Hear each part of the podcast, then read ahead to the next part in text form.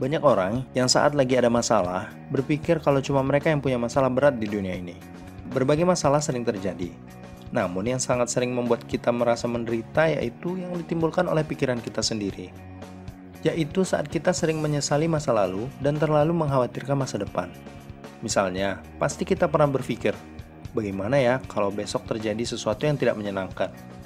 Atau, kenapa sih kemarin aku melakukan kesalahan itu? Nah, hal ini adalah pola pikir yang tidak hanya membuang-buang waktu kita, tapi juga membuat kita semakin stres. Belum lagi saat sedang melakukan sesuatu, kita malah menjadi tidak fokus. Misalnya, ketika kita sedang dalam perjalanan ke kantor, kita malah kepikiran, hmm, taruh sarapan apa ya enaknya ya pas di kantor ya. Terus sesampainya di kantor, pas lagi sarapan, kita malah mikir, aduh, gimana ya ntar deadline kerjaan nih. Nah, Malah pas lagi ngerjain kerjaan, kita malah kebayang-bayang gimana nih enaknya kasur kita nanti malam nih. Kita pulang, mandi, terus tidur cepat, tidur pulas. Tapi pas gilirannya mau tidur, pas yang udah di rumah, malah kepikiran gimana besok macet nggak ya jalanan ke kantor. Atau aduh gimana nih kerjaan tadi belum selesai nih besok terakhir nih deadline nih mati gua nih gimana nih. Nah contoh-contoh tadi adalah bukti bahwa saat kita menjalani suatu kegiatan di masa sekarang, Seringkali kita tidak fokus melakukannya dan malah banyak memikirkan tentang hal lain. Banyak juga orang yang belum menemukan cara untuk keluar dari pikiran mereka sendiri tentang rasa khawatir atau fokus dengan apa yang tengah dikerjakan. Namun ada cara yang dapat kita coba agar kita dapat keluar dari semua pikiran itu dengan menciptakan kehidupan di masa sekarang. Berdasarkan dari buku The Power of Now, A Guide to Spiritual Enlightenment, karya Eckhart Tolle. Peristiwa masa depan yang kita pikir akan terjadi tidak akan pernah terjadi kecuali telah melewati masa sekarang.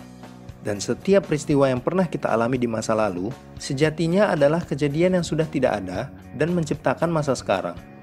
Kesimpulannya adalah semua kejadian di masa sekarang dapat terjadi karena adanya kejadian di masa lalu. Dan peristiwa di masa depan tidak akan pernah terjadi kecuali telah melewati masa sekarang. Oleh karenanya, mengapa kita memusingkan kejadian di masa lalu yang sudah tidak dapat kita ubah lagi?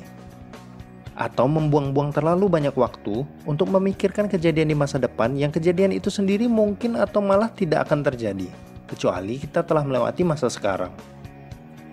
Menyesali masa lalu dan mengkhawatirkan masa depan sering kali membuat kita mengabaikan masa sekarang yang seharusnya dapat kita upayakan dengan baik. Jadi, prinsip pertama untuk dapat hidup di masa sekarang adalah berhenti menciptakan waktu untuk terus memikirkan mengenai kekhawatiran kita. Pikiran adalah instrumen yang ampuh bila digunakan dengan tepat, dan di sisi lain bersifat destruktif atau merusak jika kita sendiri tidak dapat mengendalikannya. Peristiwa di masa depan tidak akan pernah terjadi kecuali waktu untuk terjadinya itu telah tiba. Segala sesuatu itu terjadi di masa kini.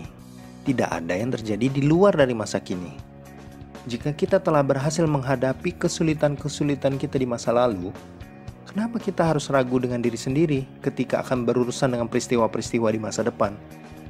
Kekhawatiran kita akan kejadian di masa depan tidak akan pernah mengubah bagaimana hal itu akan terjadi. Jadi fokusnya adalah mengerjakan hal terbaik yang dapat kita lakukan di masa kini, di masa sekarang, tanpa perlu terlalu banyak mengkhawatirkan kemungkinan buruk yang akan terjadi di masa depan. Intinya fokuslah pada proses untuk pencapaian tujuan. Lakukan yang terbaik, nikmati prosesnya. Sesuai prinsip yang kedua, bekerja keraslah untuk sukses, tapi jangan terlalu fokus pada kesuksesannya. Fokuslah pada kegembiraan dan pengalaman yang kita peroleh dari proses untuk mencapai kesuksesan itu tadi. Ketika kita mencapai tingkat penalaran seperti itu, kita dapat menjadi orang yang bersyukur saat tujuan kita tercapai dan tidak merasa stres saat tujuan itu tidak tercapai dan kita akan terus berupaya untuk bangkit kembali. Penerapan sederhana yang dapat kita lakukan pada kehidupan sehari-hari, seperti bagaimana saat kita makan. Kita dapat menikmati makanan itu tanpa membiarkan pikiran kita melayang-layang memikirkan hal lain. Kita akan dapat merasakan bahwa makanan itu menjadi lebih nikmat. Atau saat berkumpul dengan keluarga, kita memberikan perhatian maksimal dan menikmati momen-momen saat kita bersama dengan mereka. Bahkan saat bekerja pun, berikanlah kemampuan kita dengan maksimal dan fokus pada pekerjaan kita. Bersyukur untuk setiap momen yang kita rasakan dan berikan yang terbaik saat sekarang.